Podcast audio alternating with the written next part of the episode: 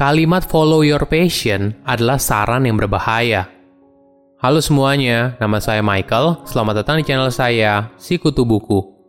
Kali ini saya akan bahas buku So Good They Can Ignore You karya Cal Newport. Sebelum kita mulai, buat kalian yang mau support channel ini agar terus berkarya, caranya gampang banget. Kalian cukup klik subscribe dan nyalakan loncengnya Dukungan kalian membantu banget supaya kita bisa rutin posting dan bersama-sama belajar di channel ini. Buku ini membahas soal kenapa keahlian lebih penting daripada passion dalam perjalanan mencari hal yang kamu sukai.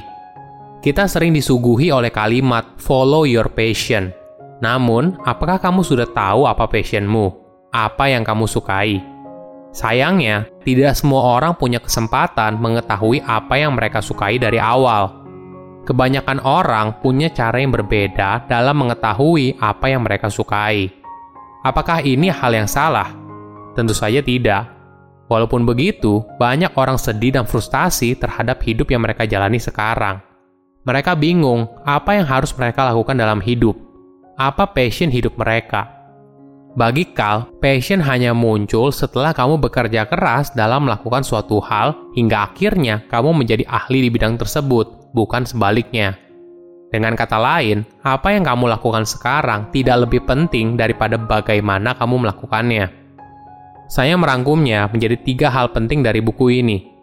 Pertama, mencintai apa yang kita lakukan. Kita sering mendengar kalau kebahagiaan dalam bekerja berasal dari mengetahui dulu apa passion kita, kemudian mencari pekerjaan yang sesuai dengan passion kita atau kalimat umumnya dikenal dengan ungkapan follow your passion. Tapi Carl punya pandangan berbeda soal kalimat tersebut. Bagi dia, kalimat follow your passion merupakan saran yang buruk. Carl lalu menjelaskan soal pidato Steve Jobs yang inspiratif soal mencintai apa yang kamu lakukan ketika mencari sebuah pekerjaan. Tapi, jika kamu melihat perjalanan hidup Steve, dia tidak sepenuhnya mengikuti passion. Hidup yang Steve jalani punya lika-likunya sendiri, mulai dari drop out di Reed College hingga pergi ke India untuk mencari makna hidup. Sama halnya dengan hidup kebanyakan orang. Hidup mereka juga penuh lika-liku dan tidak secara linear mengikuti passion. Pemikiran follow your passion menjadi berbahaya ketika kamu mengkaitkan hal ini dengan kebahagiaan. Kamu merasa kalau passion adalah resep utama dalam kebahagiaan kerja. Berdasarkan survei kepuasan kerja di Amerika Serikat, hanya 45% orang yang puas dengan pekerjaan mereka.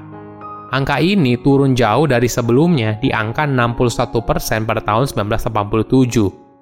Jika seseorang menggunakan passion sebagai tolak ukur kebahagiaan kerjanya, maka pada akhirnya orang tersebut punya harapan yang tidak realistis dalam karir yang mereka jalani. Hingga akhirnya mereka terus-menerus pindah kerja dan selalu saja tidak pernah merasa puas dalam bekerja. Daripada follow your passion, Kal punya pandangan kalau kita harus punya craftsman mindset. Artinya, kita harus fokus dalam mengasah keahlian kita, karena inilah yang akhirnya memberikan hasil yang bermanfaat di masa depan. Suatu hari, Kal berada di persimpangan dan harus memilih dari tiga pilihan karir yang berbeda: pekerja di Microsoft, menjadi profesor di Georgetown University, atau karir sebagai penulis full-time. Kebanyakan orang pasti merasa galau dan bingung harus memilih yang mana. Kegalauan ini terjadi karena mereka memiliki ketakutan kalau mereka membuat pilihan yang salah. Tapi Kal berbeda. Kal tidak percaya kalau setiap orang hanya punya satu passion untuk dijalani. Kal percaya kecintaan kamu atas pekerjaan yang kamu lakukan kebanyakan berasal dari keahlian dan pengalaman. Kal sadar kalau apa pun pilihan dia dari ketiga jalur karir itu pasti berat di awal tapi di sepanjang perjalanan, ketika dia bekerja keras dan akhirnya menjadi seorang yang ahli, maka dia bisa mencintai apa yang dia kerjakan. Jadi, apa yang akhirnya Kal lakukan? Dia kemudian memilih lokasi mana yang terbaik dan bisa tinggal dekat dengan pacarnya, yaitu menjadi profesor. Kedua, keahlian menghasilkan kepuasan kerja. Apa yang membuat seseorang puas dalam bekerja? Berdasarkan teori determinasi diri, motivasi dalam diri yang suka kita hubungkan dengan passion dan kepuasan dalam bekerja biasanya berasal dari tiga hal: autonomi, competence, dan relatedness. Autonomi artinya kamu punya kontrol atas waktu yang kamu jalani. Jadi apa yang kamu lakukan punya dampak yang besar. Kompetens artinya perasaan kalau kamu ahli dalam hal yang kamu lakukan. Relatedness artinya kamu merasa punya ikatan dengan orang lain. Mereka menghargai apa yang kamu lakukan, dan lebih jauh lagi, kamu bekerja dengan orang yang kamu sukai. Ada sebuah penelitian yang menarik soal asisten administrasi universitas.